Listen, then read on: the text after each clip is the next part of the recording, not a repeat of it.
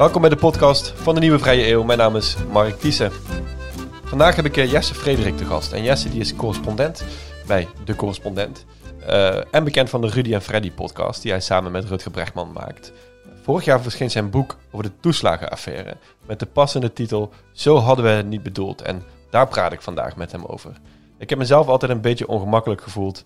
Uh, met name bij de zoektocht naar schuldigen in de toeslagenaffaire. Vaak werd er een beeld geschetst alsof er bewust mensen kapot werden gemaakt.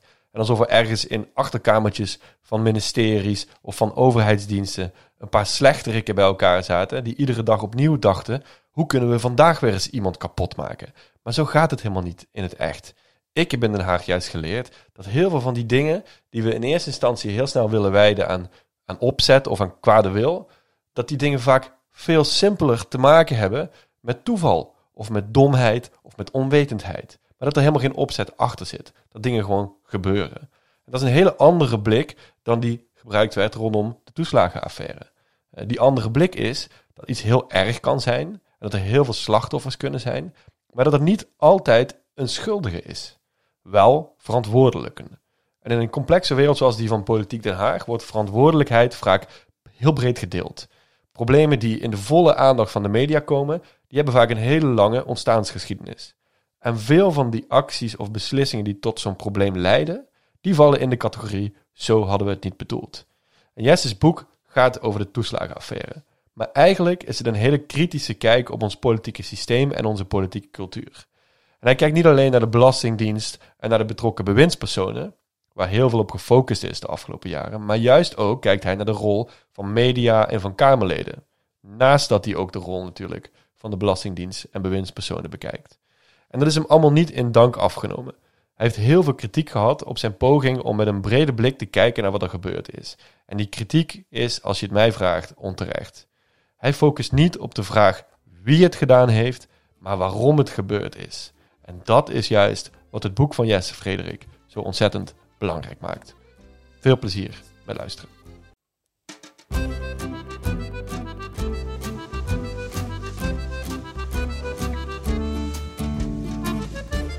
Jesse Frederik, welkom. Hallo.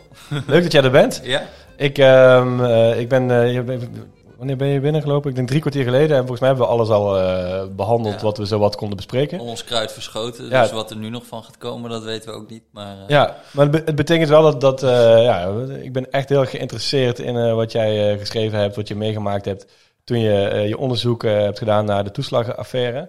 En het boek wat je hebt uitgebracht. je, Volgens mij heb jij mij een keer een e-mail gestuurd. We kennen elkaar niet, de eerste keer dat we elkaar zien.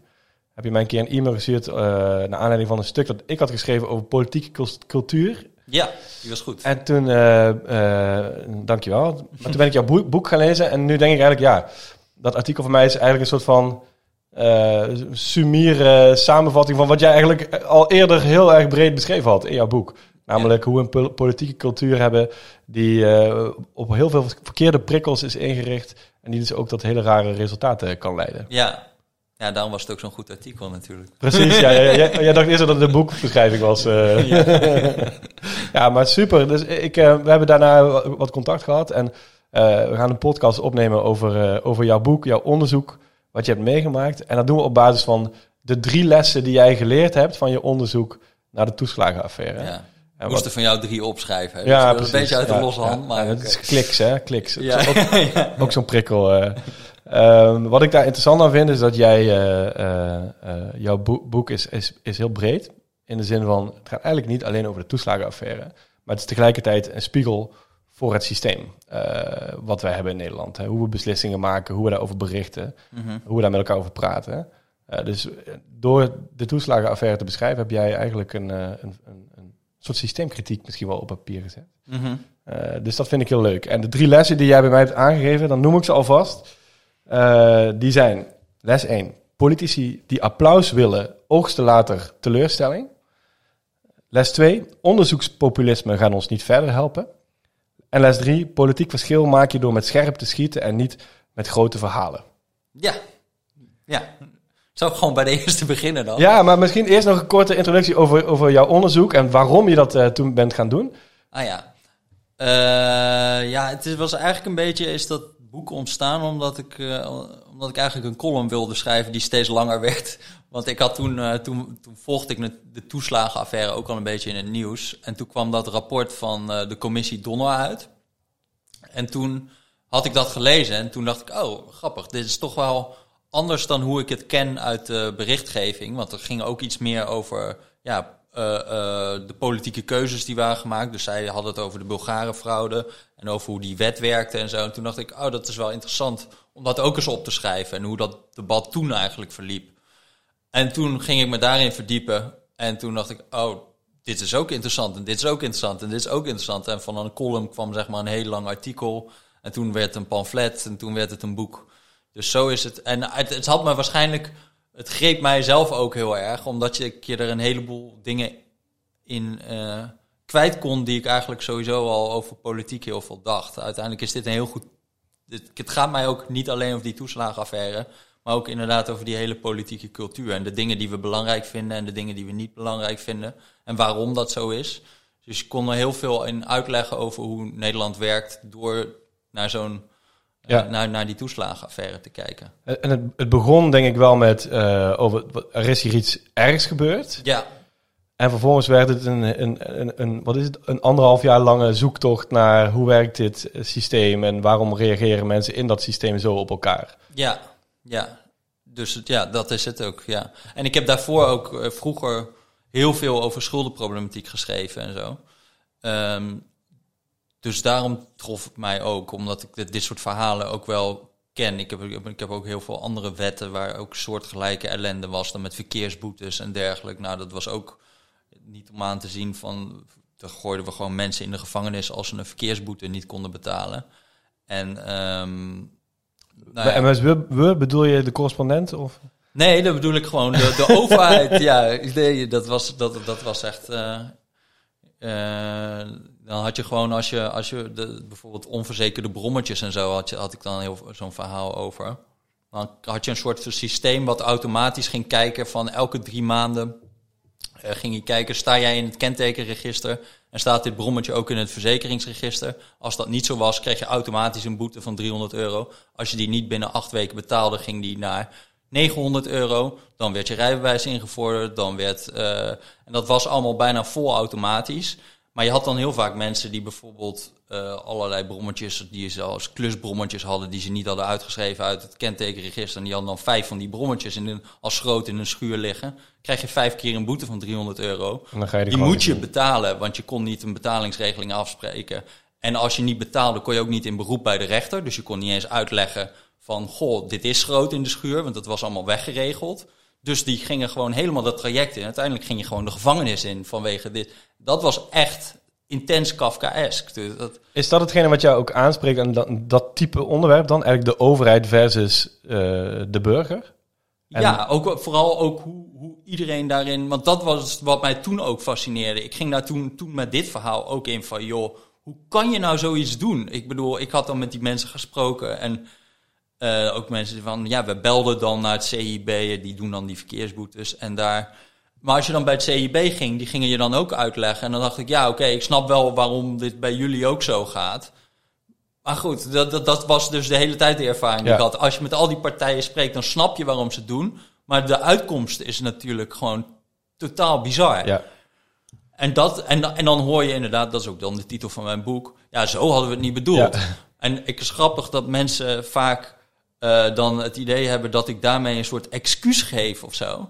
Maar dat is het juist niet. Het is gewoon zo teleurstellend dat iedereen dan moet zeggen: zo hadden we het niet bedoeld. Moet je dan niet van tevoren beter nadenken hoe je het wel hebt bedoeld? Dat was eigenlijk, dat is mijn oproep dan ook. Het is niet een soort van excuus. Want um, um, ik vind het wel interessant, kunnen we straks misschien aanstippen uh, waarom jij denkt dat bijvoorbeeld die, uh, laten we zeggen, verkeersboetes-affaire eigenlijk nooit echt een affaire is geworden. En de toeslagenaffaire juist enorm is, uh, ook in de media en in de politiek is, uh, is behandeld. Mm -hmm. maar um, nog even om, om op het laatste wat je zei terug te komen. Um, wat is het, um, jouw boek gaat, jouw boek gaat vliegt eigenlijk de toeslagenaffaire anders aan dan, laten we zeggen, de meeste journalisten die het, die het gecoverd hebben. en een deel van de kritiek die jij misschien gehad hebt, is inderdaad dat je het misschien bagatelliseert. Dat, dat het, maar het is toch heel erg. En waarom wijs je geen schuldigen aan? En, eh, is dat iets, eh, eh, ik lees dat overigens totaal niet in jouw boek, maar is dat iets, is, dat iets wat, je, wat jij ehm, eh, eh, eh, ook persoonlijk hebt ervaren als iets wat totaal verkeerd gelezen is? Nou als mensen dat heel hard tegen je gaan roepen, dan ga je wel nadenken: is dat nou zo? Dat is automatisch, dat is gewoon wat je dan. Maar volgens mij is dat niet zo. Als ik, ik, ik bedoel, ik heb gewoon geprobeerd om te zeggen, vooral om het ook iets breder te trekken, dat het niet alleen een soort van bloeddorstige ambtenaren bij de Belastingdienst zijn die, die bijdragen aan deze uitkomst. Ja. Dat is een beetje het beeld wat je hebt. Hè, Ja. van, mensen krijgen op een dag in één keer een, een blauwe brief op de mat van, van, van, ja, op, eh, eh, eh, van, van ambtenaren die hun kapot willen maken of zo. Maar er zitten natuurlijk een heleboel actoren in die ook een verantwoordelijkheid hebben. Dus ik Ja. vind eigenlijk het grappige is dat als dan mensen zeggen: ik verexcuseer de Belastingdienst. Nou, ik vind dat eigenlijk die, de Tweede Kamer en eh, de Raad van State, en eh, ja, dat begint nu wat minder te worden. eh, dat die heel erg verexcuseerd zijn hele lange tijd. En het ministerie voor Sociale Zaken, die waren helemaal totaal buiten beeld. Terwijl daar gewoon een heleboel dingen ook mis zijn gelopen. Nou, dan vind ik het niet gek dat je daar ook Ja. even de aandacht op vestigt. En jij noemt zelf in je, in je boek eh, en ook eh, een aantal podcasts die ik van jou heb teruggeluisterd, noem je het dus de, who- de whodunit, hè? De, eh, eh, de zoektocht eh, naar een dader, omdat in een verhaal dat natuurlijk heel interessant is en dat juist die zoektocht naar een dader vaak misschien de verhalen zo indimensionaal maakt, maken dat je, dit, dat je de context niet meer ziet waarin dingen kunnen gebeuren. Ja. Nou ja, en vooral als je echt, echt geïnteresseerd bent in om het, dat het een andere keer Ja. niet nog een keer gebeurt, dan is het heel zinvol om te kijken naar waarom gedragen mensen zich zo. Ja, Want daar kan je nog iets aan doen. Ja. Kijk, als het antwoord elke keer is, we moeten de kop eraf hakken van de mensen die hier zaten. Het probleem is de personen, niet de prikkels. Ja, dan is het inderdaad heel simpel. En ik heb het idee dat er wel te makkelijk, ook omdat gewoon zo zijn een beetje de, de, de wetten van de narratieve zwaartekracht of zo. Zeg maar, je wil als je een verhaal schrijft, wil je duidelijke da- daders, heldere helden, zuivere slachtoffers. En ehm, dus heel veel in de journalistiek gaat het uiteindelijk heel vaak daarheen. Ja. Weet je wel? Dan, heb je, dan is een beeld gevestigd van dat is de held, dat is de dader, dat is het slachtoffer. Alleen eh, in beleid, of als je echt iets wil veranderen, is het niet zinvol om je te gaan voegen naar dat beeld, omdat het niet klopt vaak. En dat is ook iets wat ze wel hebben begrepen in bijvoorbeeld eh, in, in, in, in, in- bij ziekenhuizen en bij de, in de vliegvaart. Daar is het heel gebruikelijk dat als er een incident heeft plaatsgevonden, en eh, een vliegtuigongeluk is, heeft plaatsgevonden, dan gaan ze niet vragen wie deed het verkeerd, maar dan gaan ze waarom ging het verkeerd. Hè, dus eh, eh, durfden mensen Ja. wel die piloot tegen te spreken? Eh, wat, wat waren de om, waarom lette die niet op terwijl die wel moet opletten? Want ze gaan er eigenlijk vanuit dat iemand niet bewust naar zijn werk gaat om een vliegtuig neer Ja. te laten storten. De grap is natuurlijk dat in de politiek vaak precies 180 graden het omgekeerde is. Het makkelijkste is om te doen alsof de staatssecretaris, de bewindspersoon, de ambtenaar de intentie had om mensen kapot te maken. En dat wordt ook dan de hele tijd gezegd. Van jij bent, het ging fout omdat jij dat zo wilde. Maar daar geloof ik eigenlijk gewoon helemaal geen, geen jota van. Nee. vaak. nee, En ik, denk, dat het heel menselijk is. 90% helemaal niet te maken heeft met intenties, maar meer met Per ongeluk.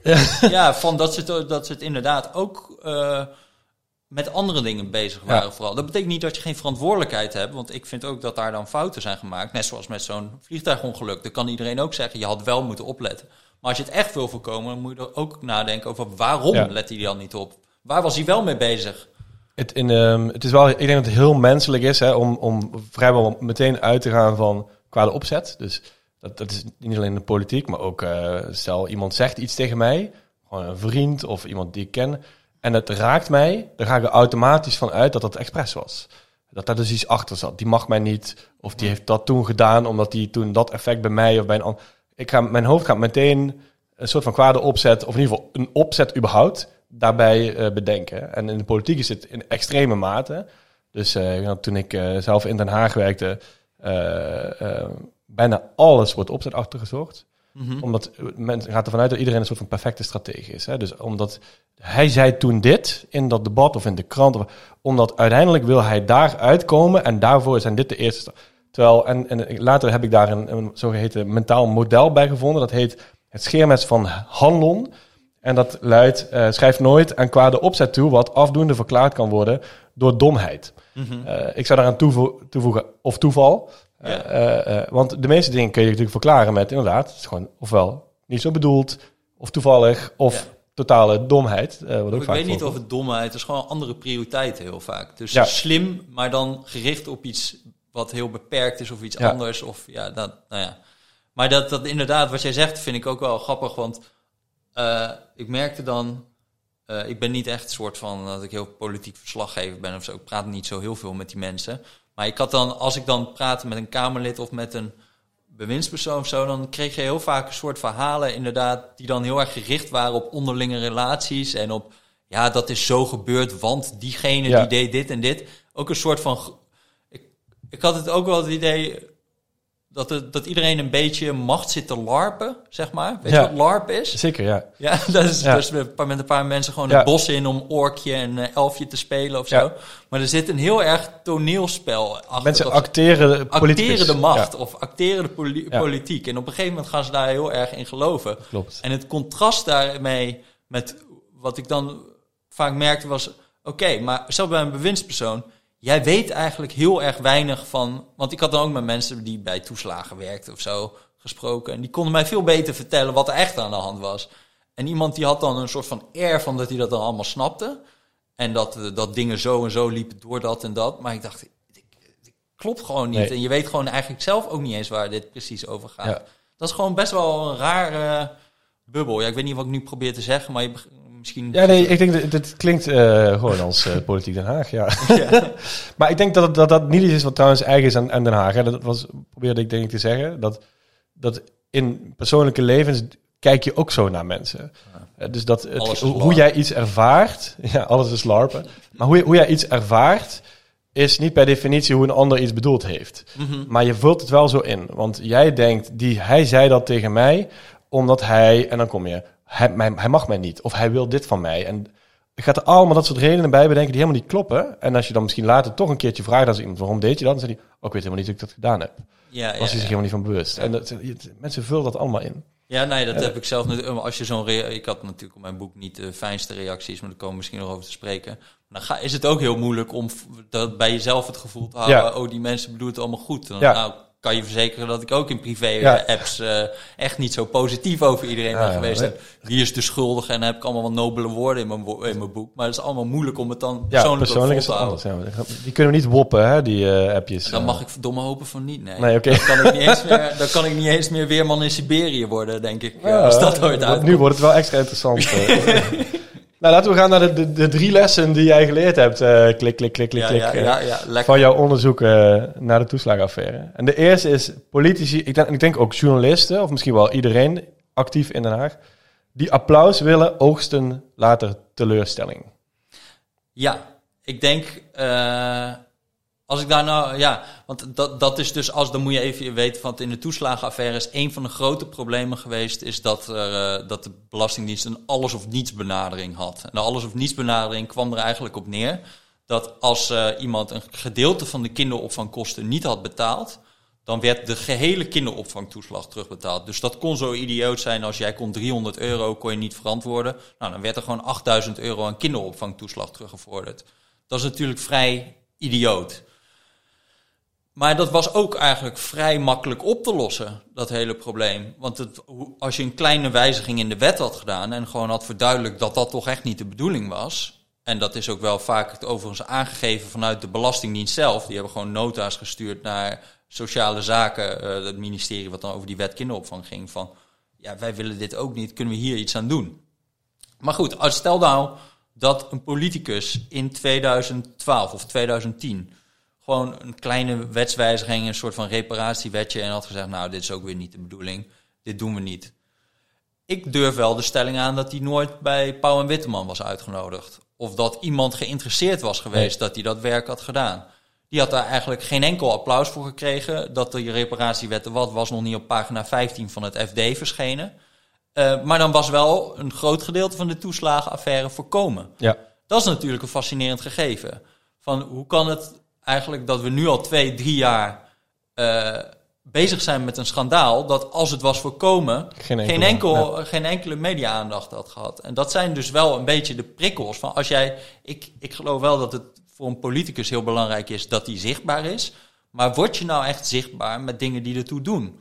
Of word jij eigenlijk zichtbaar als jij zegt van het is een puinbak, het deugt allemaal niet, eh, dit is allemaal verkeerd gegaan. En je maakt makkelijke verhalen voor in de, die in de media goed vallen.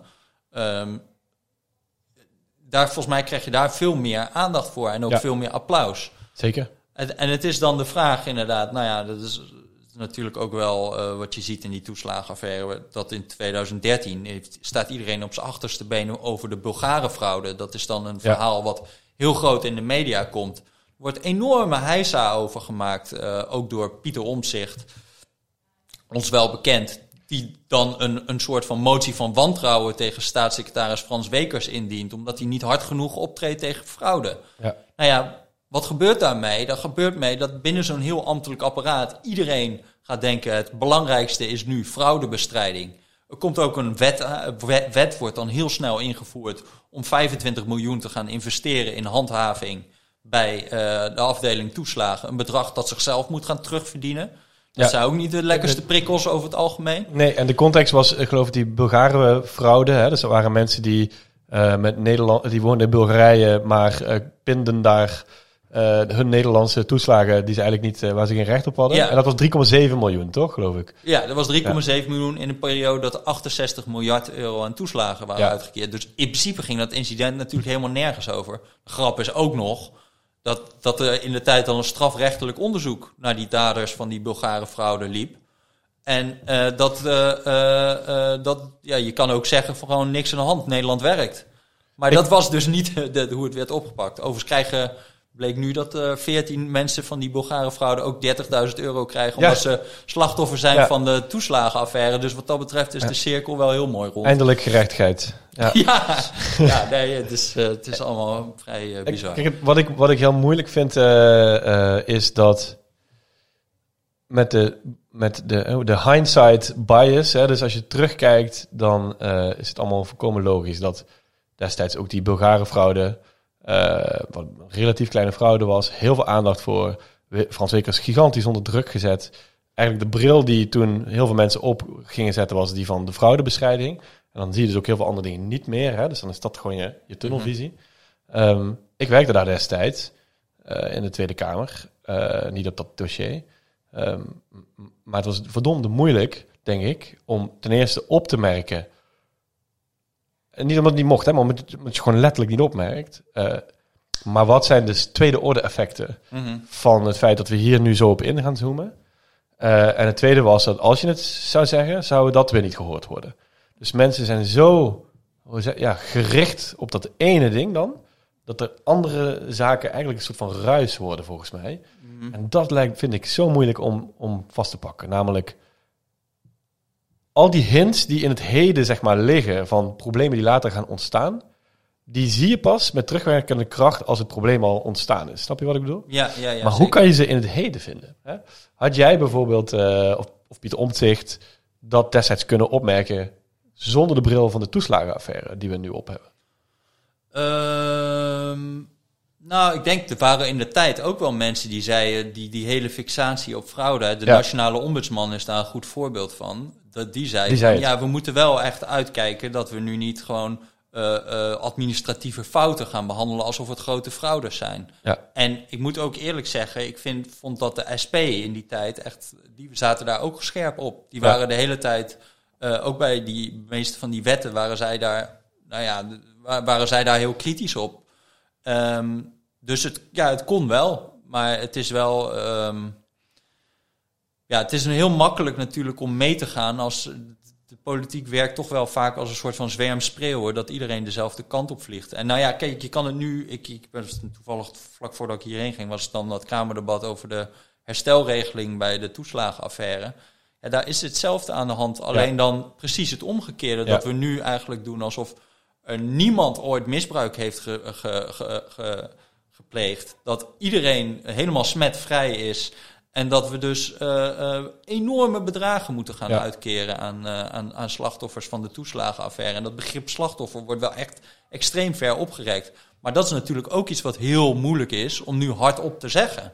Pieter Omtzigt zegt dat overigens. Dat vind ik dat wel ontzettend knap. Ja, vind ik ook knap. En hij Ik zat ben, nu ook ik ben geen groot fan, maar dit vind ik wel echt van karaktergetuigen. Ja, hij heeft natuurlijk ook wel, want dat, dat, dat hij de- dat kan zeggen ook.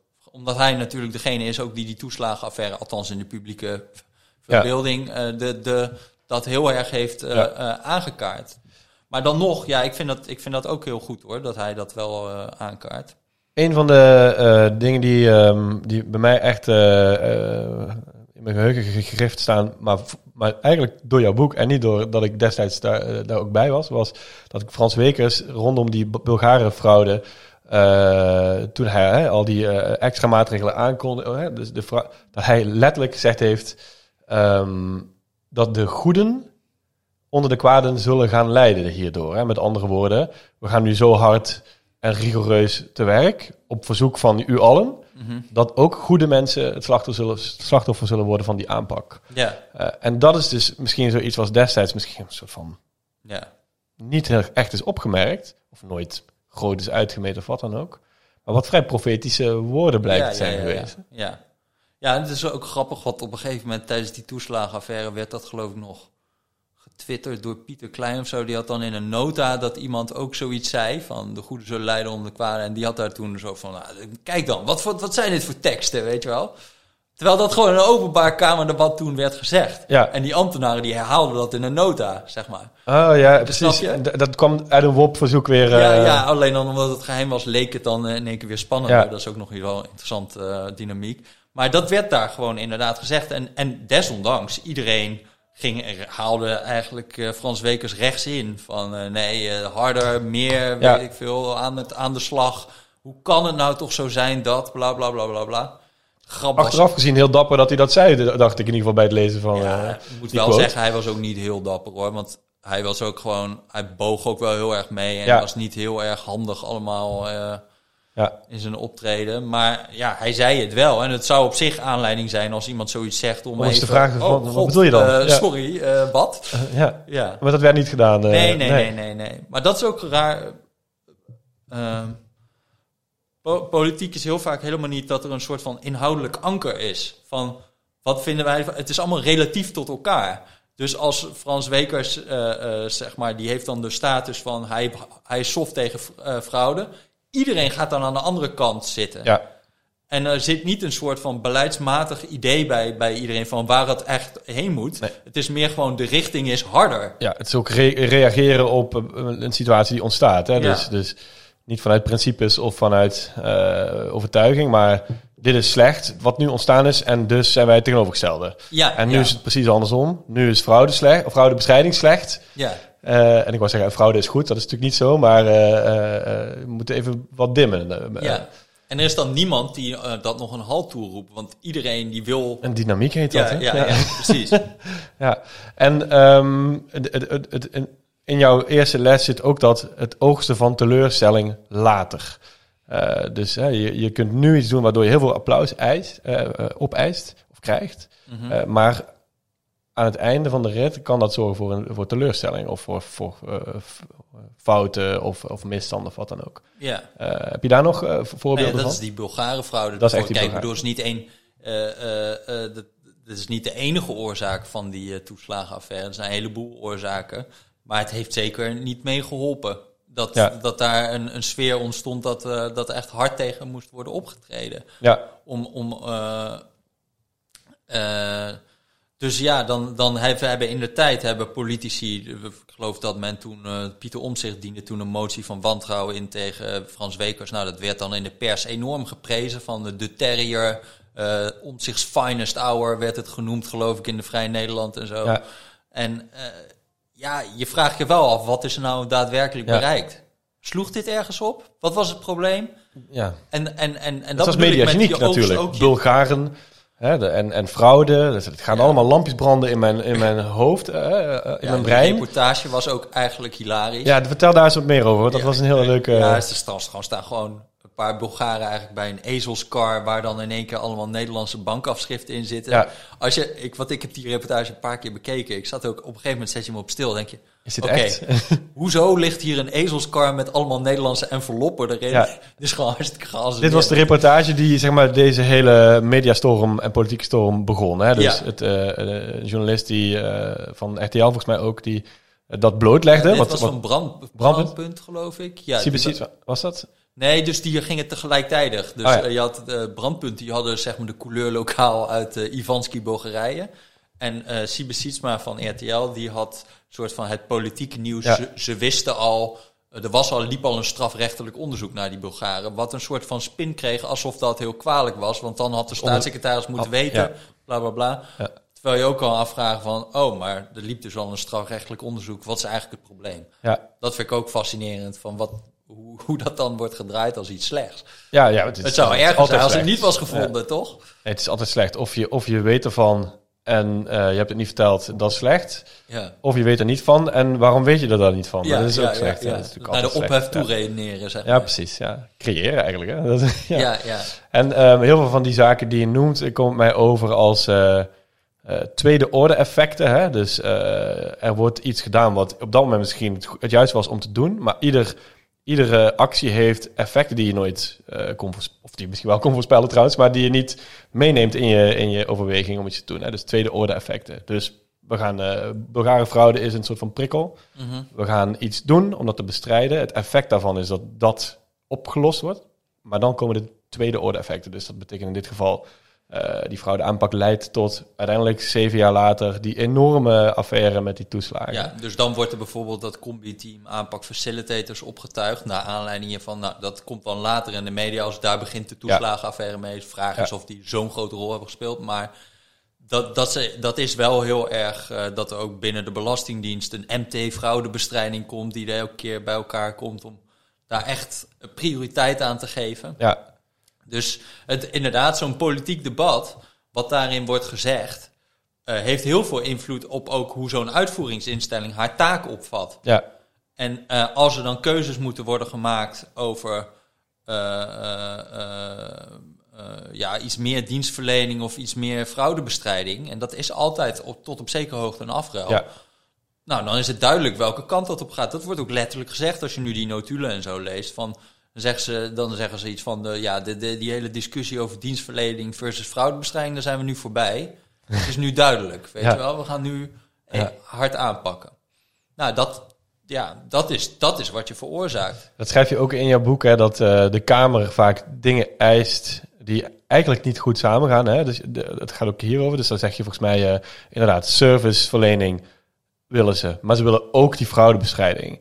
En dat kan natuurlijk allebei in een, bepaalde mate, maar nooit allebei maximaal. Ja. Maar de Kamer gaat natuurlijk nooit zelf zeggen... we willen meer fraudebestrijding en doe dan maar iets minder dienstverlening. Dat zul je ze waarschijnlijk niet... eh, Nee, Ja. nee, nou ja, of in ieder geval in hun acties gaan ze dat nooit toestaan. Nee. Want het, het, wat zij altijd doen is, als er iets misgaat, zeggen ze dat dat fout is dat dat misgaat. Of dat nou is dat het te weinig han- eh, handhaving is, of dat het is dat... Ja. het- dat zie je ook letterlijk met die, met die Frans Wekers, dat vind ik helemaal fascinerend. Hij valt uiteindelijk niet over die Bulgare fraude, want die motie van Omtzigt dat ze hem weg willen sturen omdat hij te weinig hard is tegen fraudebestrijding, die haalt het niet. Maar zes maanden later blijkt er een antifraudemaatregel te zijn. De één bankrekening Ja. maatregel. Dat voert allemaal een beetje ver, maar het komt erop neer dat eigenlijk iedereen had meerdere bankrekeningnummers bij eh, de Belastingdienst. En vaak hoefde die niet eens op je eigen naam te staan. Dus bijvoorbeeld zo'n Bulgaren. Eh, dan kon er een of andere fraudeur zijn. Die haalde die Bulgaren hier naartoe en die liet die toeslagen storten op zijn eigen Ja. bankrekening. Dus het was een goede maatregel, daar niet van. Dus er kwam maar één bankrekening maatregel en dan moest het op je eigen naam staan. Maar die was, Frans Wekers had in al zijn eh, eh, daadkracht, dan wilde hij dat gewoon heel snel invoeren. Want ja, er moest nu iets tegen fraude gedaan. Toen bleken er in één keer, ik geloof 50, 60.000 mensen die niet toeslagen kregen in een maand. Geen huurtoeslag meer. En daar kwam RTL toen ook mee eh, van, eh, nou, 50.000 mensen krijgen Schandalig. En die Frans Ja. Wekers die legt nog even netjes uit van, ja, nou ja, we zijn nu bezig met fraudebestrijding. Maar dat gaat er niet in bij de Kamer, hoor. nee, die nee, dan heel hard. En dan zijn die dan ook boos van, nou, heeft de, alle grip verloren op de Belastingdienst. Ik kan er helemaal Ja. niks van. Dat natuurlijk subliem ironisch is. Want zes maanden eerder willen we hem nog wegsturen over dat hij te weinig fraudebestrijding Ja. heeft. En, en Frans Wekers dacht, maar ik ben toch daadkrachtig? Ja, ja, precies. Ja, ja. Ja. Ehm, jouw tweede les. Eh, met een term eh, waarvan ik hoop dat je hem zelf bedacht hebt, weet ik niet zeker. Maar onderzoekspopulisme eh, gaat ons niet verder helpen. ja, ik heb hem niet zelf bedacht. Rutger heeft hem bedacht eigenlijk Ja, helaas. Maar, het briljant, briljant ja, wel goede, wel goede Ja. ding. Maar dat merk je ook heel erg, dat bij die toeslagenaffaire een beetje de analyse is ontstaan. Dat het probleem is dat er allemaal te weinig informatie kwam van de regering aan de Tweede Kamer om te handelen. Zij konden het allemaal niet weten, eh, waardoor, eh, eh, ja, waardoor die toeslagenaffaire maar door kon blijven gaan. Ik ben het daar totaal niet mee eens. Ik vind dat echt een, een, een, dat ze zichzelf daarmee heel erg verexcuseren. Overigens, daar mag ook sowieso wat meer kritiek op zijn. Dat als een parlementaire onderzoekscommissie de, die zichzelf niet gaat onderzoeken. Dus in de, in de parlementaire onderzoekscommissie kinderopvangtoeslag is al gezegd. We gaan Ja. niet kijken naar de rol van de Tweede Kamer. En die gaan dan met de analyse komen dat de info- informatievoorziening. Ik bedoel, het is geen belangeloze partij, zou ik, zou ik willen zeggen.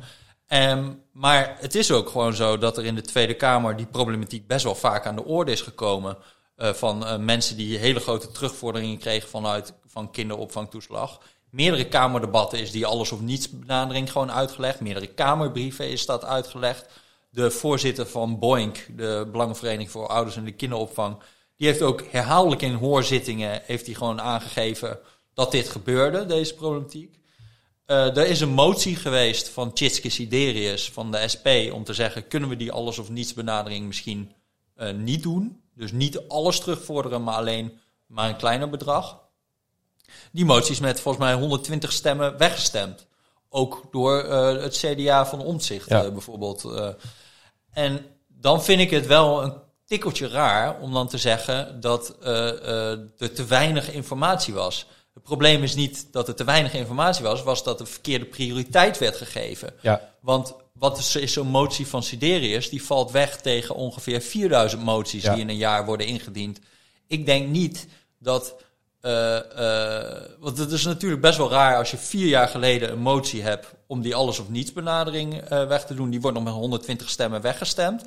En vier jaar later wil je al die mensen 30.000 euro geven, 10.000 euro voor hun kind, 10.000 euro voor de ex-partner, kwijtschelding van alle schulden. Dan is er wel iets raars aan de hand. ja Want- kan prima natuurlijk. Ja, maar, maar dat. Is wel wat gebeurd. Bedoel, ja. maar dat onderzoekspopulisme zit hem er heel erg in dat volgens mij. Inmiddels heeft men begrepen dat er een hele makkelijke manier is om journalisten op te geilen. En dat is door gewoon duizend pakken, duizend eh, documenten op te vragen bij de regering. En dan te zeggen dat er dingen worden achtergehouden. Dat vinden journalisten een geweldig verhaal vaak. Van, eh, dat stukken worden achtergehouden. Of dat er een stuk is opgedoken waarin een, iets staat wat niet deugt. Eh, In mijn beleving is ongeveer 90 of 95 procent van de verhalen... kan je gewoon uit openbare rapporten, eh, kamerstukken, rechtbankuitspraken... kan je het er gewoon uithalen. Dat was ook zo bij de, bij de toeslagenaffaire. En de vraag is heel erg of als wij nu gaan denken dat bij elk dossier we voortaan een steekwagen vol met documenten over de schutting moeten gooien, met alle e-mails van ambtenaren, of we daar echt werkelijk wijzer van worden, of dat we gewoon de hooiberg nog groter aan het maken zijn om de speld in te verstoppen. Het ligt eraan wat je doel is. Ja, nou ja, inderdaad. Ja. Dus, dus ik denk dat, eh, dat het een goede tactiek is om media In het politiek spel is Ja. natuurlijk een wapen. Informatievoorziening. eh, tenminste, eh, zoals ik het nu zie gebeuren. Het was misschien, en ik denk dat er wel degelijk een goed verhaal valt te maken over dat de informatievoorziening echt wel beter kon. Eh, van de af, hè, dat we de afgelopen tien jaar hebben gezien. Maar informatievoorziening is een politiek wapen. Zowel voor degene die de informatie moeten geven, als voor degene die de informatie vragen. Hè. Dus eh feitrelaas vragen Mhm. is een politieke move. Dat is niet de waarheid proberen te vinden. Dat Mhm. is, er is nog nooit iemand geweest die namelijk gezegd heeft... Uh, dankjewel voor het feitrelaas. Nou, het ziet er goed uit. Ja? Dat is nog nooit gebeurd. Het is altijd een feitrelaas, omdat je meer informatie wil, omdat je vervolgens weer meer kan, meer informatie kan vragen, of kan zeggen er ontbreekt iets, of kan zeggen dit klopt niet, of dit is slecht wat je daar gedaan hebt. Het zijn altijd politieke wapens. Dat is het doel, denk ik. Niet zozeer die waarheidsvinding. Ja, dat is ook de grap dat als je terugkijkt met bijvoorbeeld met zo'n Bulgare vrouw, dat zijn precies dezelfde dingen. Dat men extreem veel informatie gaat vragen. over eh, ook dingen waarvan je denkt van... eh, wat doet dit allemaal te zaken? Waar was de staatssecretaris Ja. tussen mei en juni? En heeft hij nog de ambassade van Sofia bezocht? En weet ik het Ja. En, en, en dat- dan worden gewoon precies dezelfde dingen gedaan. En dan zie je ook weer eh, dat, dat, dat, dat... Ja, vooral Omzicht is daar dan heel bedreven in. Hè? Die, Ja. doet, die heeft echt Ik- het onderzoekspopulisme uitgevoerd. Ik wou net zeggen, ik, betreft. ik, als ik die term zie, dan zie ik ook een, een, een foto van iemand voor ja, mij. Ja, ja, ja, dus die is nu volgens mij weer met oversterfte en het eh, RIVM bezig. Ja. Dan heeft het ook weer allemaal eh, schimmigheden die daar worden, worden gedeven. Ja, Maar toen was wordt- het worden dingen achtergehouden. Ja, ja, Een ja. feitenrelaas hebben van Jaap van Dissel. Waar, wanneer en, en hoe dit tot, stand- tot stand is gekomen. En waar hij toen eh, zijn, zijn lunch heeft gehaald. Ja, ja precies, ja. Ja. Maar dat was dus ook zo bij die Bulgare vrouw. Precies dezelfde eh, dingen. En bij de toeslagenaffaire. En hij heeft ook een keer met elektrische auto's zo'n stunt eh, gedaan. Met dat dan een, Ja, een consultant, eh, die zou dan allemaal corrupt zijn. Dan moesten we het hele model opvragen. En daar klopte dan ook weer iets en misschien weer een beetje niet. En dan, nou ja, zo krijg je ook een verhaal, blijf je in de media houden. Ja, maar- Omdat je elke keer kan er een nieuwe vraag worden gesteld Ja. over zoiets. Maar wat mij dan heel vaak opvalt, is dat men meer geïnteresseerd is in dat de vraag wordt gesteld dan in het antwoord dat wordt gegeven. ja, Want ik volg dan bijvoorbeeld wel heel veel van die stukken van die toeslagenaffaire. Het valt mij op dat heel vaak ontkrachtende informatie wordt überhaupt niet meer over bericht. Nee. Eh, dus er wordt heel vaak een soort van suggestie gewekt. Vervolgens komt er een stuk, blijkt het helemaal niet waar te zijn. En dan gaan we gewoon weer verder. Het meest bizarre vond ik dat er op een gegeven moment... ehm, ehm, eh,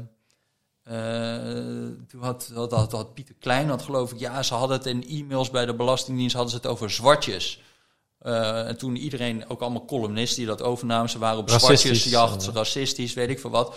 Nou, we zijn helemaal uitgezocht. Dan komt het antwoord van... oké, nou, we hebben echt alles omgekieperd. Bleek één keer het woord zwartjes voor te komen... met een hoofdletter, de familie Zwartjes. oké. Ja, en dat maakt dan... Oké, dan ik lees Maar dan, wordt daarop eh, teruggekomen dan? Was nee, toch niks, niet... eh, niemand nee. zegt er niets van. Ook niet door de familie Zwartjes? Nee. Niemand die, die dan iets heeft van... oh, nou, dat hadden we dan toch verkeerd. Ja. Ik bedoel, het is allemaal... Ja. Dus Dat is, wel, dat is wel, maar dat is bijna...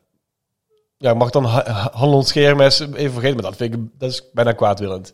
Als je, dat, als je die verhalen in de wereld eh, helpt en dan niet dat corrigeert op het moment dat blijkt dat het niet waar is, dat is wel erg slecht. Ja, nou ja, goed. Mij verbaast niks meer, maar Nee, dat, dat, dat, dat- dit soort dingen, het is de hele tijd hoor. Van, eh, van, eh, dan, dan blijkt er gewoon, als, Ja. als het dan wordt uitgezocht, blijkt het toch veel anders te leggen. En ja, nou ja, dat maakt allemaal niks uit. Nou, het, het zou mij ook wel wat waard zijn als mensen dat. Kijk, eh omzicht als voorbeeld dan toch, want dat, dat is een zeer in het oog springend voorbeeld. En toen hij net weer terug was van zijn, van zijn ziekte, ging hij meteen weer vol aan de slag. Ongelooflijk. En een van de eerste dingen die hij deed was eh, natuurlijk vragen stellen.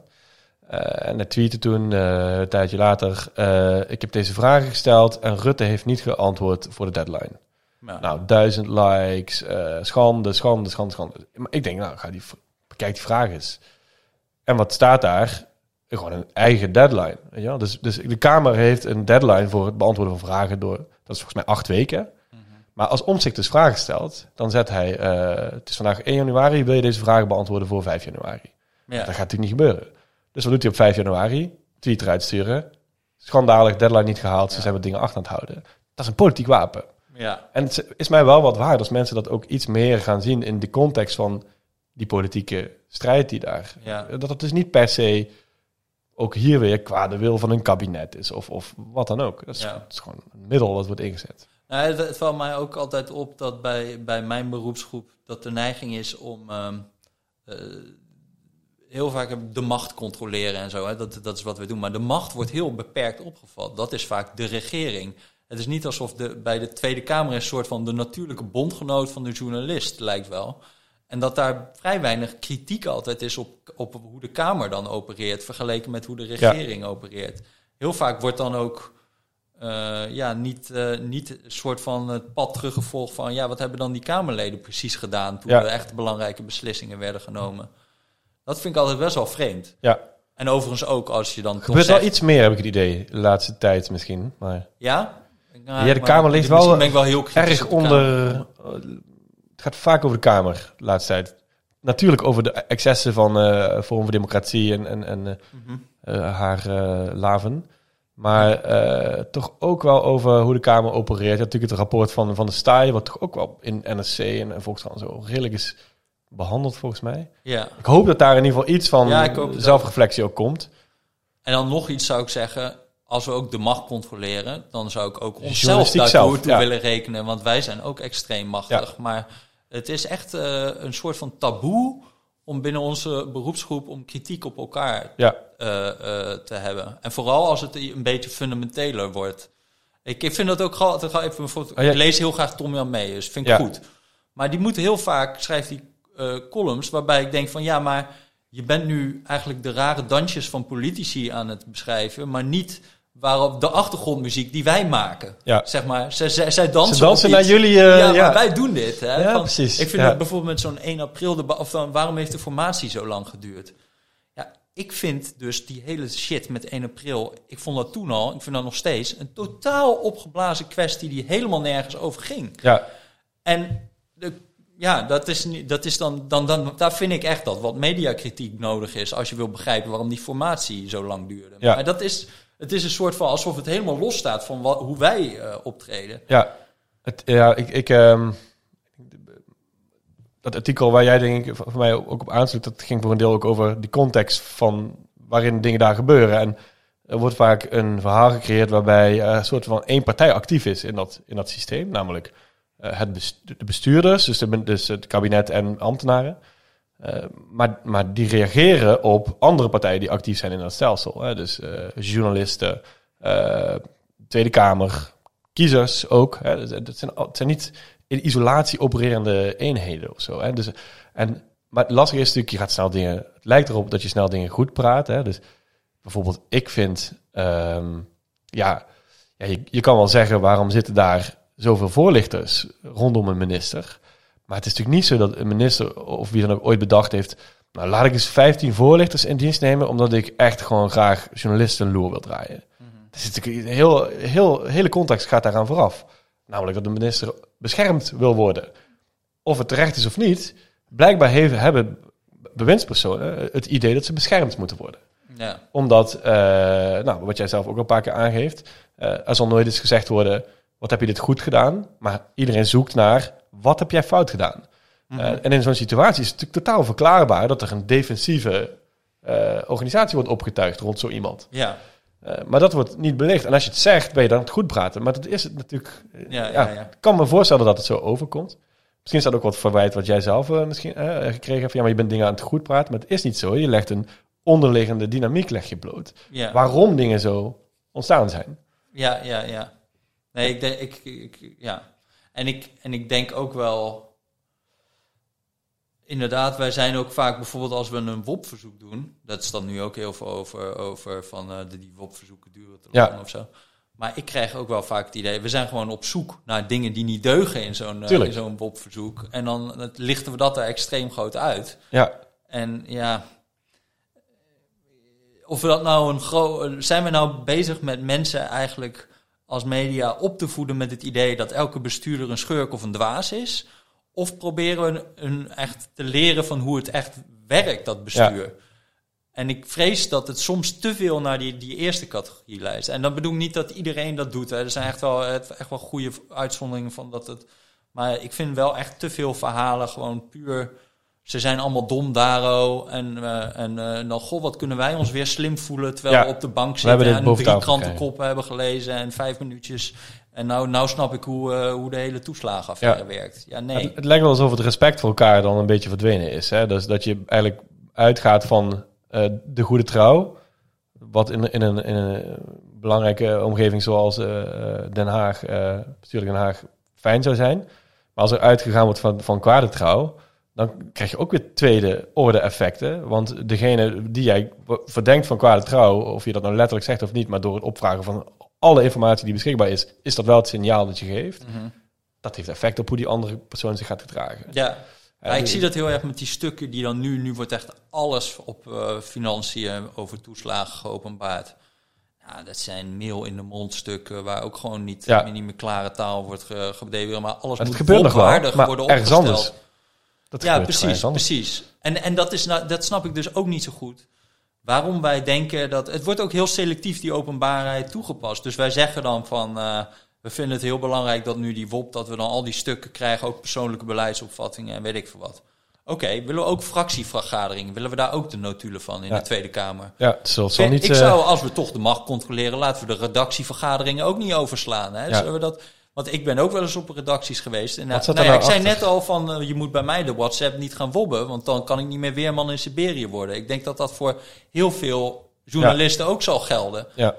Dus het is een beetje een raar, raar idee dat je alles dan... Nou ja, ik, ik ben ook niet zo heel erg van eh, die, die openbaarheidsfetish eh, die er nu ontstaat. Ik geloof ook dat het dan inderdaad gewoon toch wel gaat verplaatsen. Want het werkt gewoon niet. ja, nee, je moet een bepaald ventiel hebben... eh, Ja, eh, wat niet open, hoe zeg je dat? Eh, Er moet ergens wat lucht uit kunnen in zo'n eh, enorm eh, eh, zwaar beslissingscircus zoals een ministerie. Dan kan niet alles officieel. Kan niet alles officieel en binnen de lijn. Dat kan, kan gewoon niet. ja, Dat zou betekenen. Ja, wat werken er dan voor mensen? Dat zijn een soort eh, robots dan of zo. ja, ja. Dat is onmogelijk.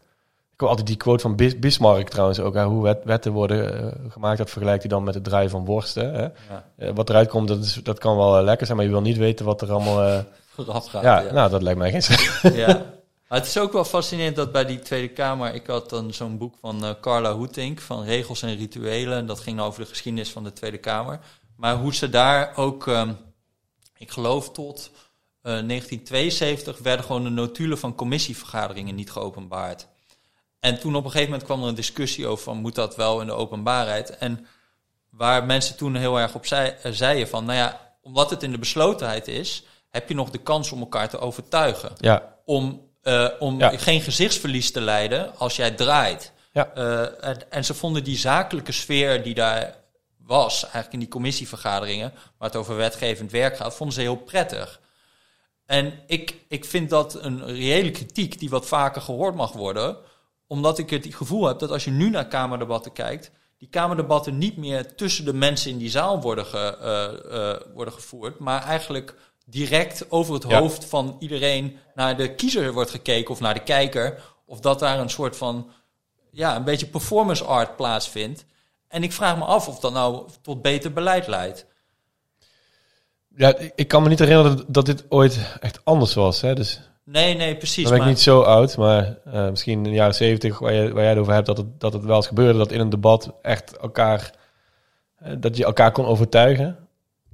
Weet, Thierry Baudet maakte hier in het begin van zijn eh, politieke carrière een groot punt van. Hè? Namelijk, debatten zijn niet bedoeld eh, om elkaar te overtuigen. Dus wat doe ik hier? Ja, Dat had hij wel gelijk in. Ja, dat natuurlijk. is zo, ja, het is ja, een ja. beetje ontspoord bij hem, maar, ja, maar hij had daar wel gelijk in. Die debatten zijn niet eh, om elkaar te overtuigen. Nee. nee. Maar het interessante punt wat, dat je maakt, eh, dat vind ik ook wel de moeite waard. Is, is hè, wat gebeurt er als je sommige dingen juist, juist afsluit? En dan krijg je compromisbereidheid misschien wel tussen die partijen. Omdat je inderdaad geen gezichtsverlies verlies leidt. Misschien dat alles, eh, naarmate je meer opengooit, eh alles ook politieker wordt. Hè? Dus, dus nu worden misschien wel overlegjes op het ministerie ineens ook politiek. Mhm. Politiek sensitief, gevoelig. Waar dat vooraf gewoon overleg was, waar je ideeën kon hebben, waar je eh, kritisch kon zijn. Maar dat kan eigenlijk niet meer hè, als alles openbaar wordt. Welke ambtenaar kan nog geciteerd worden met... Misschien is het niet zo'n goed idee dat wij... wat de minister hier heeft. ja, Ja, dat, stel je voor dat dat gewopt wordt. Ja. Dan wordt er gezegd door Pieter Omtzigt of iemand anders... Kijk, deze ambtenaar signaleerde het al op vier- Ja, ja. 14 april 2021. ja. Waarom heeft u daar niet naar geluisterd? Ja, ja, je verzandt in een enorme... eh, ik, alles komt, komt tot stilstand, denk ik. Van ja. creativiteit tot... Ik vind dat ook wel interessant dat eh, wat jij zegt van eh, dat, dat als je dan met mensen in Den Haag spreekt, dat het dan soms ook dat het woord politiek niet in positieve zin wordt gebruikt. Dus dan zeggen, zeiden mensen wel eens van en toen werd het politiek. En dan Ja. bedoelen ze niet Ja, van, ja. oh, nou, toen ontstond er een lekker constructief sfeertje en toen Nee. kregen oplossingen, kregen problemen passende Nee, dan wordt het Ze gewoon, toen ging het echt helemaal, toen ontspoorde het totaal. En het is Iedereen wel, ook anders kijken en anders lopen en anders staan en zo. Dan zie je gewoon, je ziet gewoon fysieke veranderingen in mensen hun houding als het politiek wordt. ja, ja, je recht zitten. ja, ja, ja, ja. Maar dat is toch ook wel raar, al dat wij dat dat, dat dan soort van. eh, eh, ja, dat dat dan als iets lelijks wordt gezien. Of, en dat dat waarschijnlijk ook zo is, natuurlijk. Van dat, het, eh, dat het, als het te politiek wordt, dat dan gewoon niet meer redelijk wordt. Nee, dan gaat het om winnen en verliezen. Dat is politiek is, is, is helaas vaak zero sum. Mhm. Dus als jij eh, eh, verliest, dan win ik. Het is bijna nooit mogelijk om daar een win-win of zo uit te halen. Dus dan wordt het inderdaad eigenlijk competitief. Hè? Dus dan is het Ja. gokken. Ja, helaas, misschien. Ja. Of mensen zijn zo, dat kan ook. Ja, de laatste les, de derde les. Dat vind ik een heel interessante, want ik weet nog niet wat ik er zelf eh, van vind. Omdat eh, ik denk eh, dat ik wel van de grote verhalen ben. Oké. Jij zegt juist, nee, politiek, verschil maak je door juist met scherp te schieten. En niet door grote verhalen te vertellen. Nou, ik denk dat er, als ik heel eerlijk ben, het is natuurlijk alle twee nodig. Maar ik heb het idee dat er op het moment vaak, met name aan mij, aan ter linkerzijde, waar ik dan toch misschien wat meer van ben, eh, dat daar heel erg wordt over geïnvesteerd in allemaal grote verhalen over neoliberalisme en weet ik veel wat. En als je dan de goede piepjes en woordjes gebruikt, dat het dan voor de rest wel goed komt. Iedere keer als iemand in, in eh, deze podcast het woord neoliberalisme noemt, dan eh, moet, je zijn moet je shotje drinken. Dus, Ja, ja. Oh, dat vind ik wel een goede, goede regel. ja. Maar ik bedoel, bijvoorbeeld, ik volg dan belastingen heel erg.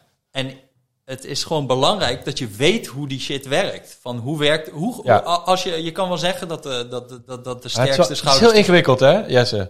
ja, oké, maar, niet, maar, niet, niet voor iedereen weggelegd. eh. Ik zou het zelf ook in, eh, in verzuipen, denk ik.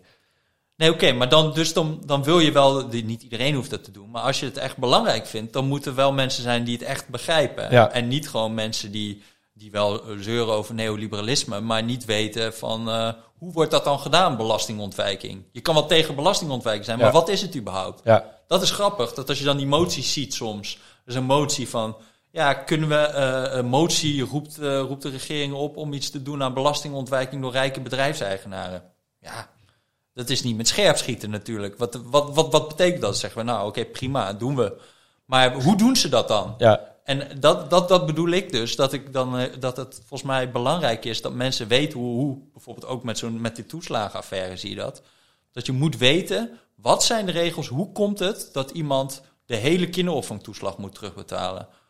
Eh, nou ja, als je bijvoorbeeld een klein, die alles of niets benadering is Ja. zo'n ding, dat moet je weten, die details doen ertoe. En er is te veel soort van dat als je maar de goede intenties hebt en de goede idealen, dat het dan wel voor de rest wel goed komt. Maar ja, Maar- goed, daar zat ook op SZW zat Asher. Ik denk niet dat het probleem was dat hij verkeerde idealen had. nee. Ik, ik zit, is er een situatie mogelijk waarin eh, iets zoals de toeslagenaffaire als voorbeeld dan, ehm, dat het komt naar buiten, dus we weten op een gegeven moment, oh, dit is een groot probleem, eh, dit en dat, dit is allemaal gebeurd, en dat vervolgens ook politieke politici, maar ook journalisten, in plaats van dat ze die daden zoeken, ook samen zitten, niet journalisten en politici, maar oppositiepolitici en kabinetspolitici, en echt gaan spreken met elkaar in de openbaarheid. Maar wat moeten we nu doen om dit op te lossen? Wat zijn die regels dan die Ja. we moeten aanpassen en Nou, hoe dat- moeten we compenseren? Maar die fase wordt... Nou, wel- ik vind, ik vind eigenlijk, eh dat was wel fascinerend toen die toeslagenaffaire kwam. Toen op een gegeven moment kwam er een brief waarin werd gevraagd aan de Belastingdienst. Eh, geef me ons een, een, een, een, een, lijst van eh, schrijnende cas- casuïstiek en wat dan daarvan de oorzaak is. Nou, ik kreeg zo'n spreadsheet, schrijnende situatie. Ik heb dat gelezen, ik zat echt, wow, oké. Heel veel best wel complexe dingetjes van, eh, van het partnerbegrip tot weet ik veel wat. Ehm, ah, maar je kan gewoon die hele lijst afwerken. En Ja. in één keer was het gewoon daar het verzoek, geef ons zo'n lijst. Die lag er binnen twee maanden. En dat, dat is gewoon een opgave, daar kan je iets mee. En dat betekent, dat daar staat dan in, dit zou je concreet moeten doen. Ja, dat deze, komt door dit- deze wet. Ja. En daarom is dit. En wij suggereren deze oplossing. Ja. En wat is daar dan mee gedaan? Nou, daar zijn, dat, dat is wel het, het positieve effect van die hele toeslagenaffaire. Dat met dit soort dingen echt wel eh, dingen aan het eh, verschuiven zijn. Ja, En dat is ook nog zoiets. Dat vaak loopt de media ook gewoon een beetje achter. Dat zij altijd boos zijn over eh, problemen die eigenlijk al in het stadium zijn van de van de oplossing. oplossing. Het probleem is juist die periode dat er niet over de toeslagenaffaire werd gesproken. En Ja. over dat soort problematiek. Ja.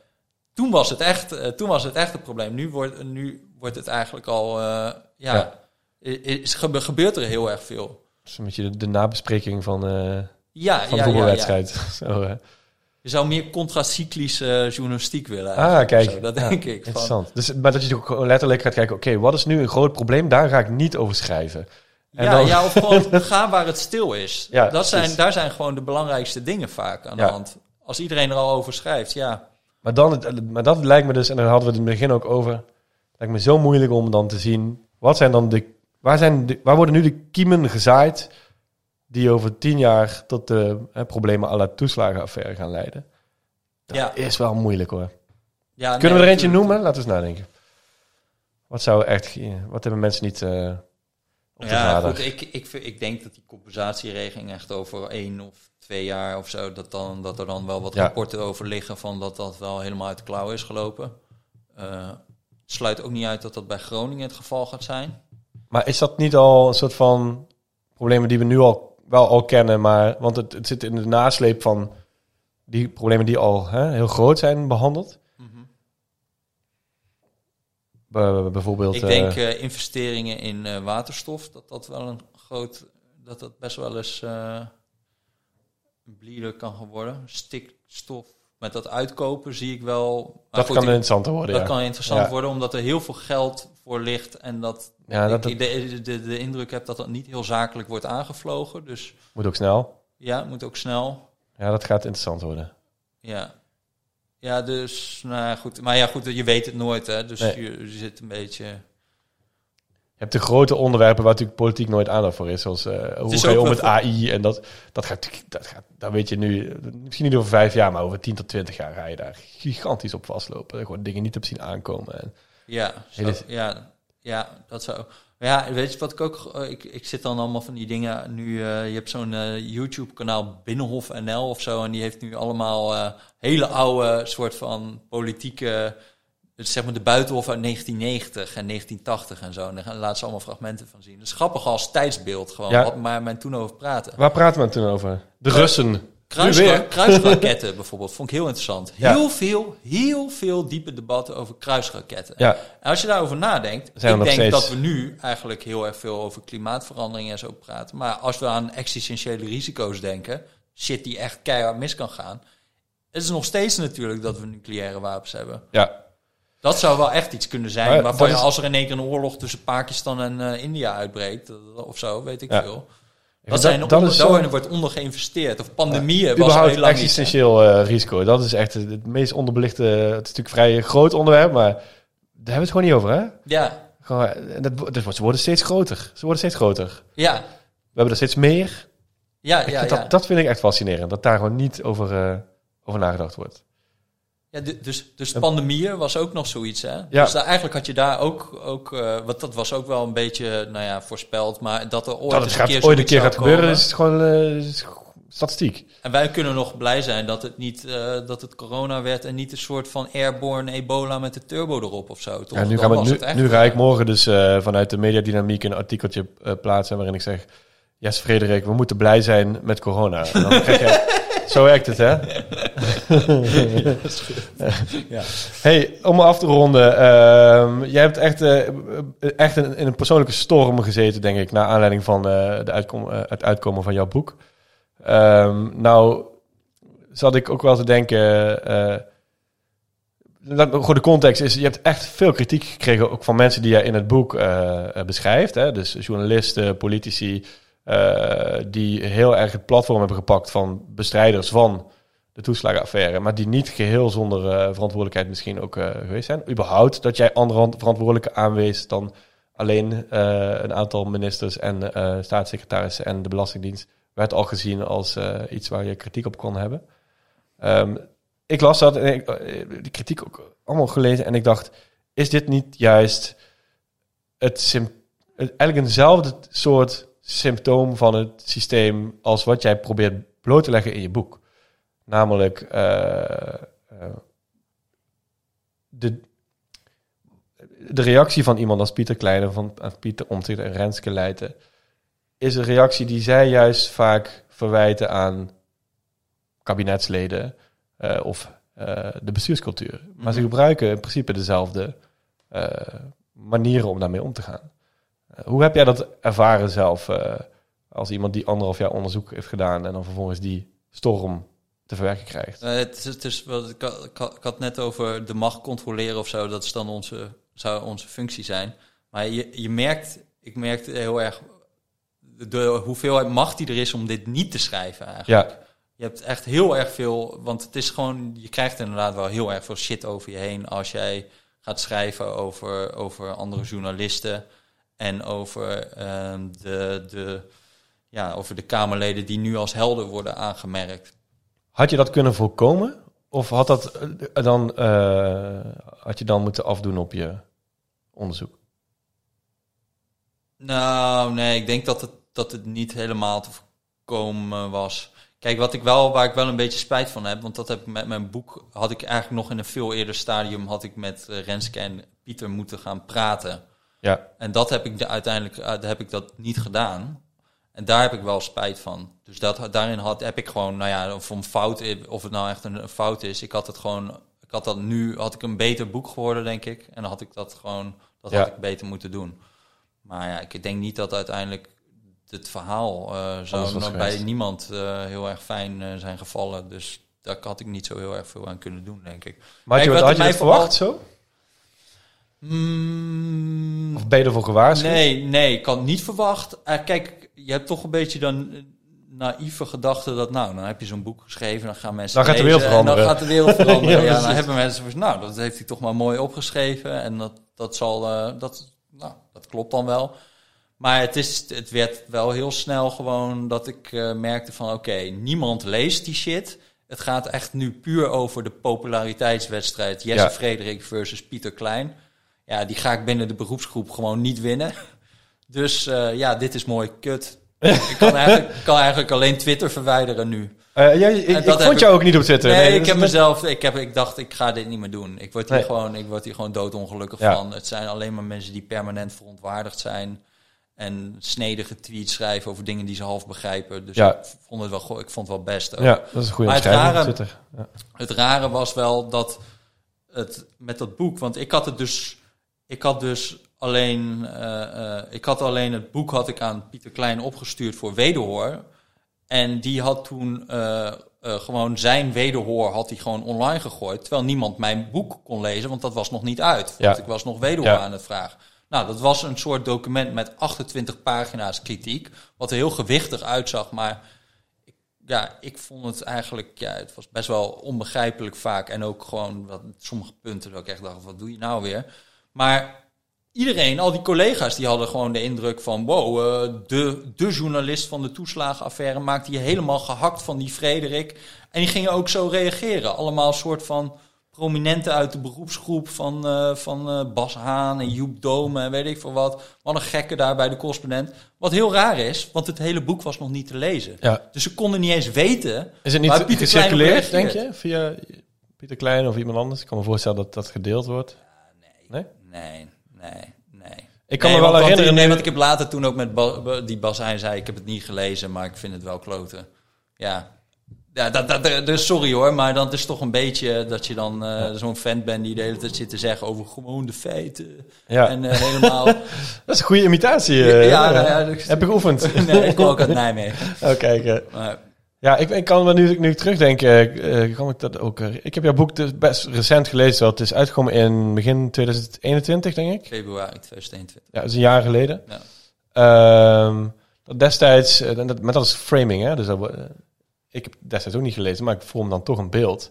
En, en ik weet dat een van de dingen die, in ieder geval, als ik terugdenk, is blijven hangen, is dat er gezegd werd, daar is iemand eh, die ook probeert nu nog even snel over die toeslagenaffaire eh, hè, zijn eigen, eh, hoe zeg je dat, te cashen of zo. Ja, Terwijl de echte journalisten het werk al voor hem gedaan hebben. ja. Als ik jouw boek lees, ja, dat is echt onzin, hè? Het is, het is, ik denk niet dat er iemand is die zo uitgebreid geschreven heeft over die affaire als, als, als jij in dat boek. ja, nou, het was niet echt een, een haastklus of Nee. zo, zou ik zeggen. Maar Nee. Eh, ja, en iedereen was toen ook heel boos dat die parlementaire ondervragingscommissie nog kwam en dat ik toen voornemens was om het daarvoor te publiceren. Ja, Dus toen heb ik daar ook nog op gewacht. Uiteindelijk nog, eh, ook omdat die wederhoor allemaal lang duurde en zo. En je gaat toch, de, vooral als er zoveel kritiek komt, ga je ook wel denken, moet wel nu echt even helemaal ja, alles Ja. helemaal 100% secuur wil je echt geen gezeik mee. Dus dat. ehm, Maar ik moet ook zeggen, nou ja, ik, ik heb niet echt iets nieuws geleerd van wat ik nog niet wist van die parlementaire ondervragingscommissie, maar dingetjes nog wel verwerkt en zo. Maar, maar het was wel. eh, eh, je, krijg- je gaat ook denken van, oké, hoe is het dan om een politicus te zijn of zo? Als je de hele tijd dit soort shit over je heen Ja. krijgt. Want ik, ik, ik had op het... Want ik, je wordt heel erg in het defensief gedrongen. Ik kon ook niet meer nadenken over mijn boek eigenlijk. Alleen maar een soort van lijfbehoud. En Ja, ik dacht ja. van, oké, mijn hele reputatie gaat er nu aan. En ik kan Ja. straks gewoon niks meer. En ik kan er niks aan doen. En het... eh, En ze haten me. en ze haten me. Ja, dat is wel echt een kutgevoel. Ja, ja. En dan, dat is echt kut. en, en dan kan je gewoon niet. eh, eh, je kan je ook niet meer richten op dingen, op normale dingen. Dus dan denk ik dan ook bij zo'n Sigrid Kaag of zo. God, kom jij nog toe aan gewoon. Ja, je moet je daarvoor totaal af kunnen schermen of zo. Hè? Dus, ja, maar wat, wat, wat, wat voor filter legt dat op de soort mensen die dan politicus nog ja, willen worden of kunnen, kunnen Ja, worden? Die krijgt narcisten. Ja. En eh, Nee, ja, dat is, je, ik denk dat je uiteindelijk, eh, hoe erger dit wordt, hoe, want het is, eh, mensen zijn natuurlijk niet helemaal rationeel, maar als je een rationele afweging gaat maken, kosten baten. eh, politicus worden in 2000 bijvoorbeeld, politicus worden in 2010 en in 2020 en misschien in 2030 worden steeds hogere kosten en de baten worden eigenlijk steeds kleiner. Hè? Dus mhm. wie doet dat dan nog? Inderdaad, dan moet je een, een narcistische eh, stoornis hebben die groter is dan, eh, eh, laten we zeggen, je, je wil om een niet zo vervelend leven te leiden. ja. Ja, en want dat, dat zijn niet de beste mensen die je dan... Ja. Ja, want je krijgt ook als je dan, als je dan, als ik dan ook, dus die, ik zat hier bij YouTube kanaal, die, eh, dan zitten dan ook wel eens bewindspersonen uit de jaren 80 of 90 of zo. Dan denk je, ja, daar kom je echt niet meer mee weg tegenwoordig. Nee. Van dit soort figuren. Ah ja, wat, noem eens een voorbeeld om af te sluiten. Nou ja, eh, dit, dit is dan wel heel erg lang geleden. Ja. Hè? Maar dan, dan, bedoel, dan, dan neem je iemand zoals Piet Liefdink of zo. Dat was dan de minister van Financiën Ja. na de Tweede Een Wereldoorlog. tientje van Liefdink. Ja, die gast, ja. Ja. Nou, Iedere is- luisteraar weet nu waar ik het over heb. Dat is zo, zo stroef als wat gewoon. Dat, dat is echt niet dat hij dan als po-nieuws daar, eh, daar bij zo'n vent komt. Dat je dan denkt, die komt daar even... Het waren gewoon nog eerlijke, fatsoenlijke bestuurders die geen mediatraining nodig hadden. Ja, maar ook die, de tering arrogant hoor. Dus dan Oh, oké, ja. krijg je ook wel zoiets van... Oké, je, je, je krijgt te weinig tegenwind, denk ik. Ja. Dus er is ook wel een optimum. Maar eh, ja, nou, Leuk om met jou hier eh, over te praten. En eh, ja, ik kan het boek echt aan iedereen aanraden die nu nog steeds luistert. ja. Het is met name vanwege die spiegel die het systeem voorhoudt, denk ik. Ik moest aan The Wire denken, heel erg. Ah, chill, dat vind ik goed ik om te la- horen. Dat was ook de inspiratie. Oh, echt? Ja, ja, ik vind dat. ik, heb die, ik ben hem nu weer aan het kijken voor Oh, de echt? zevende keer. Ik vind dat echt weer een goede serie. Ja, Ja. we zijn we weer een kwartier verder, denk ik. Maar The Wire is echt, eh, inderdaad, dat is dan na het boek van Jesse, The Wire kijken. Want eh, Ja. dat, gaat, dat is precies zo'n zo'n systeemkritiek, zeg maar, die eh, laat zien... Eigenlijk hoe ook heel, heel weinig schuldigen bestaan in zo'n systeem. Hè, maar dat het allemaal op bepaalde prikkels reageert. En ja. je ook... eh, Dat iemand ergens aan de knop draait en dan vijf Ja. lagen verderop heeft dat effecten Ja. die hij helemaal niet zelf eh, snapt en zo. Ja. Inderdaad. Ja. Maar dat is zo, ja, zo werkt het toch? Ja, zo werkt het. Ja. Ja, ook wat jij net zei, hè? dus je zei, ik heb dat boek geschreven en daarna verwacht je eh, natuurlijk dat, dat de wereld verandert. In The Wire heb je in het laatste seizoen heb je dat ook, hè? of Mhm. in het laatste seizoen, dan komt er een nieuwe burgemeester. Hè? En dan wordt, ook, wordt er ook gezegd, volgens mij, eh, eh, it's morning in Baltimore, wake up and smell the coffee, want alles gaat nu veranderen. En een jaar later is het gewoon weer allemaal hetzelfde. Ja, ja, ja, ja, ja, ja. Maar goed, Nou, en op die optimistische noot. maar goed, maar goed. Super veel dank. Ja, daarbij.